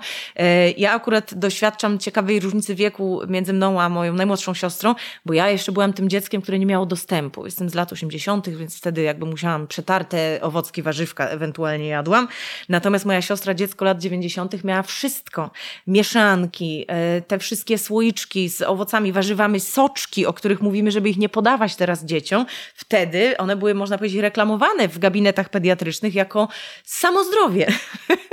w związku z tym nasi rodzice, no jakby słusznie, samozdrowie, no to daje samozdrowie naszym Ale dzieciom. spójrzmy nie? teraz na te wyprawki, które otrzymujemy na roomingach, nie? Przecież tam są próbki, tak? Nadal jest to kontrowersyjne dla mnie, że w ogóle takie wyprawki mają miejsce, natomiast mam nadzieję, że e, już się nie pojawiają, nie będą pojawiać tam rzeczy, które są jakby zakazane w tego rodzaju marketingu, czyli docieraniu do osób, które jeszcze mm, nie stanęły przed wyborem. One na razie e, nie wybierają. Jakby nie ma zakazu e, opowiadania o tym, jak to działa osobom, które zdecydowały się karmić e, mieszanką czy mieszanie. Natomiast jeżeli ktoś nawet nie wziął tego pod uwagę, to każda taka próbeczka i to nie jest moje zdanie, to są jakby badania na ten temat. Każda taka próbeczka coś tam odbierze z tej pewności siebie, coś tam dorzuci do tego, a może spróbuje i coś tam zmniejszy w tych statystykach, jeżeli chodzi o wyłączność karmienia piersią czy karmienie piersią później. A jak już tak napsioczyliśmy na ten marketing, to ja jeszcze chciałam wszystkich Was uwagę zwrócić na jedną rzecz. To w zasadzie pytanie do farmaceutów, bo ja tego jako pacjent mogę powiedzieć. Jak dostaję aspirynę w szpitalu, to ją dostaję w tym przezroczystym kieliszku i ja nie widzę, kto ją wyprodukował, prawda? A jak dostaję mieszankę, to z etykietą. I potem jak wychodzę do domu, to sobie myślę, nie no, sprawdzone, nie? Zły przykład podałaś. Aspirynę akurat widać. A, bo ma bo jest- napis. Bo ma napis y, krzyżyk, A. jest Bayer, Bayer. Ale nie? inne leki, No rozumiem, tak, nie tak, przychodzą jasne, z etykietami, jasne. nie? Nie ma tej sugestii. Jakby to był w tym interes, to myślę, że one powinny tak jak cukierki w takim opakowanku z dokładnym logiem przychodzić. To wtedy byłoby z nimi mniej więcej tak, jak jest z mieszankami. Wiesz co, chciałbym jeszcze pójść dalej y, w tych naszych rozważaniach. y, I wiesz, ja jestem, mam ADHD, więc zadam pytanie i od razu na nie odpowiem, a później pozwolę ci mówić. Dobrze. Ale y, jak myślisz, dlaczego temat karmienia piersią jest tak kontrowersyjny w sieci szczególnie? Ja zauważam, jako nawet twórca internetowy, wcześniej moderowałem grupę razem z panem Tabletką, więc wiedzieliśmy, że temat szczepień, temat rodzaju porodu i temat rodzaju sposobu karmienia to są tematy, których musimy bardzo ostrożnie, a najlepiej nie odpowiadać na te pytania. Autentycznie mieliśmy zapchaną skrzynkę pytaniami kiedy pojawiało się jakieś pytanie, to żeby nie wywoływać żadnej gównoburzy, pomijaliśmy je. Jak myślisz, dlaczego tak jest? Zacznę może najpierw od tego, że ja też to widzę i faktycznie y, zdarzały mi się komentarze pod jakąś rolką, na której było dziecko karmione piersią, nic więcej. I wiadomo, że ta pierś była w buzi, reszta była zakryta. I to były też osoby w różnym wieku, także osoby, które mogłyby być moimi rodzicami. E, pisały mi obrzydliwe, ochyda, fuj. Kobiety tak, też tak, również? Tak. Ja już nawet musiałam użyć takiego rodzaju moderacji, że to się automatycznie usuwa, jeśli ktoś użyje tego rodzaju wyrazów, bo po prostu ja byłam w takim szoku, że w ogóle nie wiedziałam, od której strony ja mam to ugryźć. Może dyskutować z tym, a może, może nie. I tak mam, mam dużo różnych przemyśleń. Po pierwsze, mm, w internecie ludzie lubią wyrażać swoją opinię. No Boże, my też jakoś tam funkcjonujemy. No i te opinie mogą być różne. Dajemy sobie prawo do tego, żeby wszystkie były wyrażone. Po drugie, myślę, że e, z kulturą osobistą zawsze było różnie. Tylko nie zawsze to widzieliśmy, bo nie każdego spotykaliśmy osobiście. A w takim medium społecznościowym nagle mamy cały przekrój Całe tłumy. Wszystkich możemy tam poznać. Być może byśmy tych ludzi z daleka omijali na ulicy, ale tam no jakoś tak nie udało się. No i trzecie, ponieważ te dyskusje zażarte będą też w takim środowisku, gdzie z kulturą, ale jednak bardzo y, kłująco się odbywają. Wydaje mi się, że dlatego, że one dotyczą bardzo podstawowej rzeczy takiej biologicznej, czyli tego, jak ja jak moje ciało funkcjonuje wobec mojego dziecka, jakim ja jestem, e, wiesz, potomstwo, rodzic, tak popatrzmy na to w znaczeniu e, gatunkowym, wręcz bym powiedziała, że to dotyczy przetrwania w jakimś sensie. W związku z tym, jeżeli ja podjęłam jakiś wybór, albo go nie podjęłam, albo mi on wyszedł, albo nie, mi on nie wyszedł, to jest to bardzo żywe dla nas. To e, nawet nie wiem, czy kiedykolwiek zapytałeś własnych rodziców, zapytałeś, bo mama ci to mleko witaminizowane kupowała. Oni takie rzeczy pamiętają. Moja mama pamięta, ile mi ona mililitrów tarła tej marchewki z jabłuszkiem, bo jej lekarz nakazał tyle dziennie.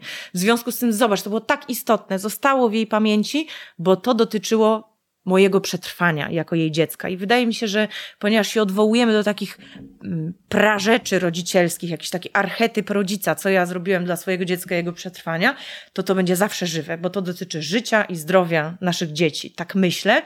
I jeszcze jest to przyprawione taką szczyptą tego takiego przerzucania się jak jakąś gorącą piłką tym poczuciem winy. Karmiłaś, to jesteś winna, że wyrósł ci mami synek. Nie karmiłaś, to jesteś winna, że on teraz choruje. Yy, a w ogóle jak ci nie wyszło, to jesteś winna, bo trzeba było mieć więcej wiedzy albo, nie wiem, ciekawsze brodawki piersi. Więc my niepotrzebnie operujemy kategoriami winy i zasługi, jakby to był jakiś talent, że tak sobie karmiłam piersią albo nie karmiłam. Yy, no i nas to tak do głębi boli potem, jak coś wychodzi inaczej, nie? Ktoś udowadnia opcję przeciwną. Wiesz co, masz rację, natomiast być może, być może, może zabrzmie w tym momencie, jak, jakbym tutaj snuł jakieś teorie spiskowe, ale jestem przekonany, że w tych wszystkich grupach, gdzie wiadomo, są dwa obozy, które się ze sobą ścierają, są takie tituszki, tak? Na Ukrainie były tituszki, które prowokowały, e, powodowały konflikty i tymi tituszkami e, są właśnie całe sztaby ludzi wynajętych przez firmy, e, które prowadzą tak zwany marketing szeptany, które prowadzą właśnie w sposób moderowany, często pod przykryciem rozmowy, po to, żeby wpływać, no to jest e, straszne i wydaje mi się właśnie te szeptanki i mogę powiedzieć tutaj biję się w pierś, bo tak moja przygoda w internecie w 2010 roku się zaczynała. Prowadziłem marketing szeptany, akurat nie produktów leczniczych, ale działałem na forum farmaceutycznym i prowadziłem szeptanki. Teraz już jestem po jasnej stronie mocy, ale jestem przekonany, że w tym przypadku również ma to wpływ, bo często y, ja nie lubię czytać komentarzy. Nie lubię. Ja czytam pierwszy, jest nie taki, gdzieś tam uciekam. Nie chcę, nie chcę się karmić tym jadem. Natomiast czasami, kiedy jest jakaś gorąca dyskusja, wejdę w te osoby i sprawdzę, to często są to osoby, które mają fikcyjnych znajomych, mają, mają puste profile i to aż widać, że to są po prostu konta zakładane przez kogoś z zewnątrz. Więc wydaje mi się, że duży udział jest tutaj również, że te, że te konflikty często są e, moderowane i sterowane przez firmy. Zresztą to samo jest w polityce, tak? Ale to masz rację. Patrz, że ja w ogóle nie wzięłam tego pod uwagę, ale myślę, że nas nauczyła wojna e, w Ukrainie tego, między innymi, i te wydarzenia wokół choćby tematu koronawirusa. Tak. Że wtedy to jakoś wypłynęło na wierzch, że rzeczywiście Jasne. to się komuś opłaca, że jest jakby taki Jasne. rodzaj e, Narracji. dyskursu. Tak. tak. Tak, że tak. wywołać, wrzucić bombę, nie? No a tak, potem tak. albo jeszcze napisać, że jakiś lekarz mi powiedział i zacytować zupełnie nieprawdziwy cytat, żeby to jakoś tam chodziło. Nie? Jeśli mówisz, o, jeśli mówisz o, e, o pandemii, o koronawirusie, to ja wręcz jestem przekonany i, i, i byłem świadkiem tego, że co jakiś czas pojawiło się taki można powiedzieć fake news, ale coś zostało powiedziane, że aspiryna świetnie działa na koronawirusa, że witamina C świetnie działa. I po prostu ja pracując wtedy za pierwszym stołem, wiesz, na pierwszej linii frontu, zamaskowany, widziałem te tłumy ludzi, którzy przychodzą. Nic się nie dzieje bez przyczyny. To wszystko, to wszystko miało jakiś swój ukryty cel i miało swoje, e, swoje źródło. No i teraz jak na to spojrzymy z tej perspektywy, komu mogłoby zależeć na tym, żeby pod każdą informacją o karmieniu piersią, suchym fakcie o karmieniu piersią, prędzej czy później znajduje się komentarz, ale mamy karmiące butelką nie są gorsze. No Nikt tego nigdy nie powiedział, a jednocześnie to się pojawia regularnie. Wydaje mi się, że to jest takie, a rzucę tę bombę. Nie? No tak, tak. Dobra, bo w ogóle bo my zaczęliśmy już bardzo pro, w sensie cały ten podcast zaczęliśmy pro, czyli z perspektywy osób, którzy, które wiedzą, że laktacja jest ok, znają jakby to drugie dno, tą historię karmienia piersią, ale pewnie są słuchacze, którzy, e, czy mamy, które czy przyszłe mamy, które planują e, e, mieć dzieci, które nie do końca wiedzą tak, takiej podstawowej wiedzy. I chciałbym, żeby to wybrzmiało też z moich ust, że co by nie było, karmienie piersią czy mieszanka nigdy nie zastąpi mleka mamy. Mleko mamy jest najzdrowszym, jest najlepszym, jest takim fenomenem natury. To jest coś, coś najlepszego, co może dać mama swojemu dziecku. Bez względu na to, co mówi marketing mieszkanek, bez względu na to, co mówią tituszki e, w, e, w internetach. Znowu kolejna dygresja ADHD-a. Ja mam jeszcze, jak prowadziłem analizy sprzętów medycznych, wcześniej analizy suplementów, e, jeszcze za czasów e, paratabletki współpracy z Marcinem. Ja do dzisiaj mam szkic na blogu nieopublikowanego wpisu na temat porównywania jak, e, składu mieszanek. Rozumiesz? To, była, to byłoby, nie ma czegoś takiego w necie. Jak ja bym to opublikował, Trudno to, moje, znaleźć, to tak. moje zasięgi by wystrzeliły w kosmos. Dawaj. Tak? Na początku mam wszystko przygotowane, z grafikami wszystko czeka. Czeka do publikacji. Czeka już chyba 4 lata. Na początku bałem się opublikować ten wpis, dlatego, że nie chciałem wywołać gówno burzy. Mówię tutaj już bardzo osobiście, że bałem się, że to zaszkodzi powiedzmy tej mojej marce osobistej w sieci, tak? Że zaraz właśnie usiądą na mnie mamy, które karmią piersią, mimo że e, na początku analizy jest gruby temat, gruby wstęp na temat tego, że karmienie piersią jest, korzyści z karmienia piersią są niepodważalne. Dzisiaj jednak w kontekście tego, tego złego PR-u, złego marketingu mieszanek, wiem, że nigdy go nie opublikuję. O, no. Jestem okay. hero. Dobra. Znaczy, to też byłoby pomocne, dlatego że potem y, jest to taka trochę ziemia niczyja, że rodzice są zagubieni, ci, którzy zdecydowali y, albo potrzebują karmić Przygotowałem się na to pytanie, chociaż no, nie było w scenariuszu. No.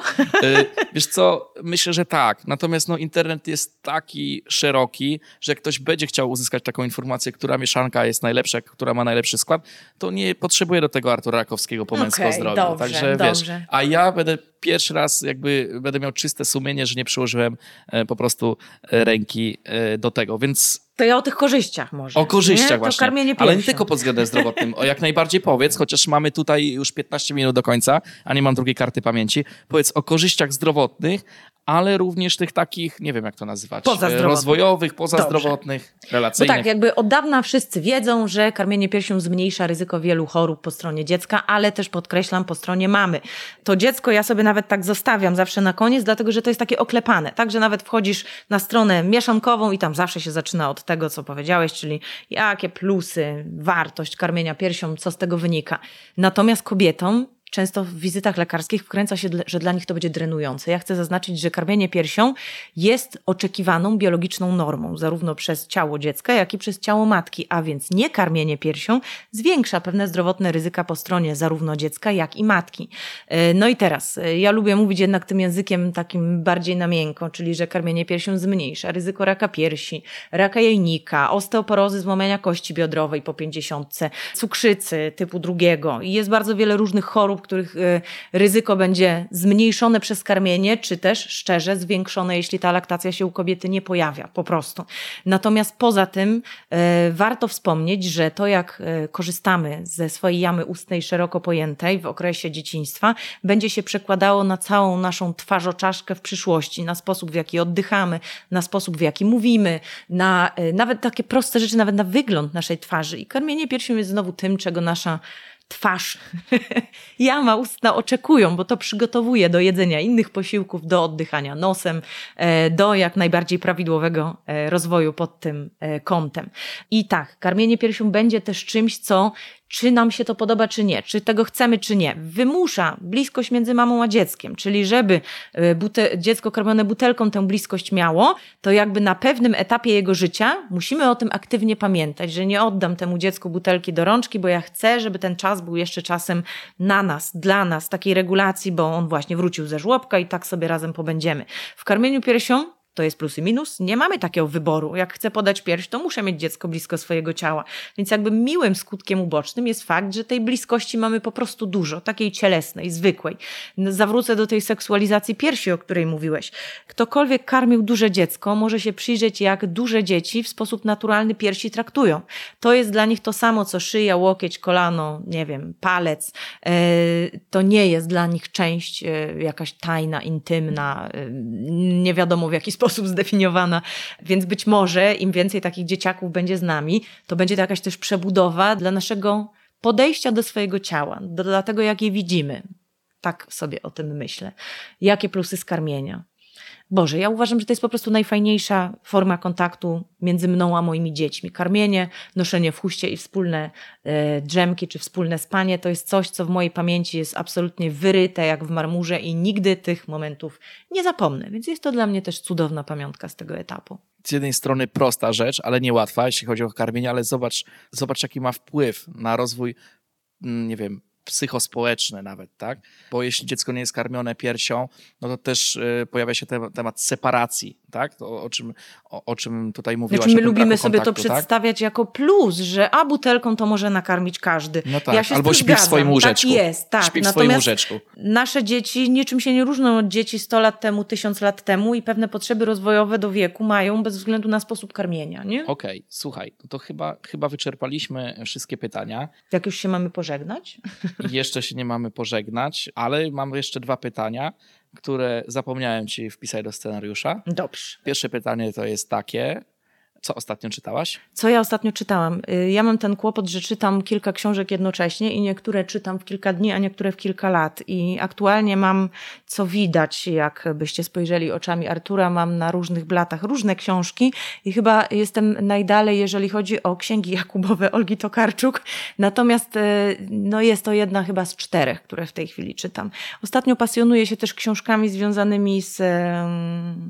neuroróżnorodnością, tak to szeroko ujmę, spektrum autyzmu, ADHD, e, to też jest dla mnie pewna nowość i ciekawostka, no i zazwyczaj na tapecie mam jakąś książkę e, branżową, czy atlas, czy coś związanego z laktacją, także w zasadzie moja komoda jest tu. I jest książka, przekrojem. którą na pewno od ciebie wezmę, ukradnę. E, Rozproszone umysły, Gabor Mate. E, Tak. Nie wiem, czy tak się czyta, e, bo to jest Węgier, nie?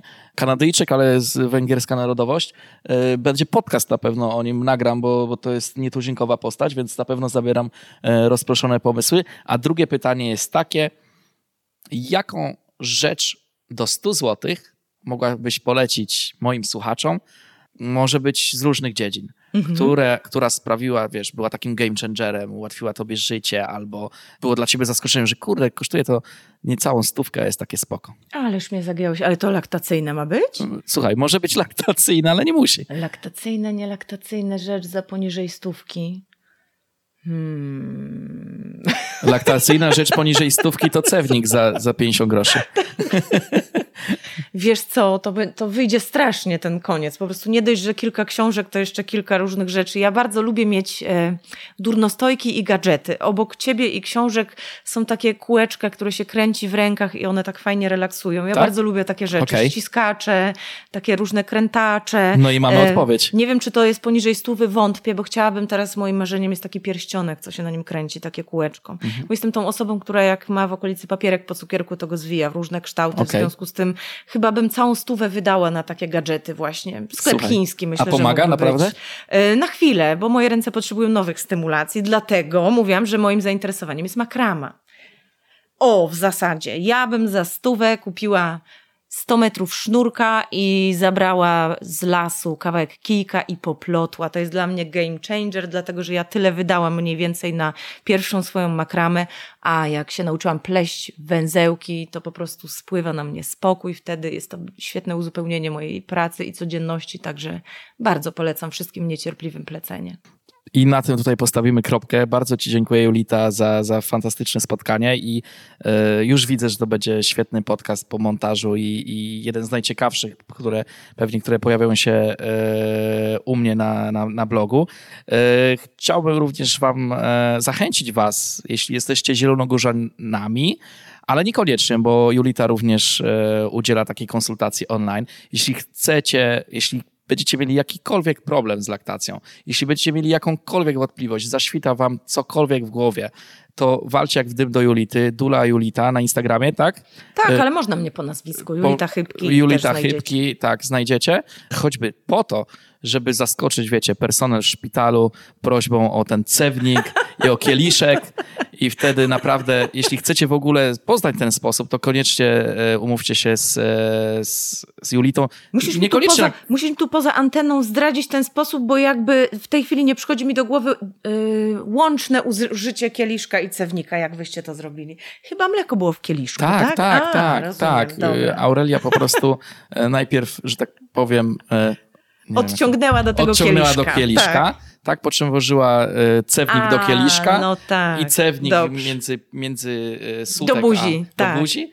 I to jest to, to miało, miało na celu zachowanie jakby tego odruchu ssania, tak? Tak, tak. Znaczy zdziwił mnie ten kieliszek. Rozumiem, kieliszek na leki, a- a dobrze. jak to się robi? Nie, no dobrze, właśnie tak się robi. Ewentualnie można w butelce albo w strzykawce mieć to mleko do dyspozycji. To jest Okej. jeden ze sposobów, tak. No i naprawdę y, mina tych wszystkich pielęgniarek, powtarzam, pozdrawiam je serdecznie, w tym, nie wiem jak to powiedzieć, pokoju pielęgniarskim e, w szpitalu była bezcenna, tak? Więc jeśli chcecie poznać właśnie takie triki, jeśli chodzi o laktację, to y, walcie jak w tym do Julity. Dzięki Julita. Dziękuję bardzo za zaproszenie, dzięki.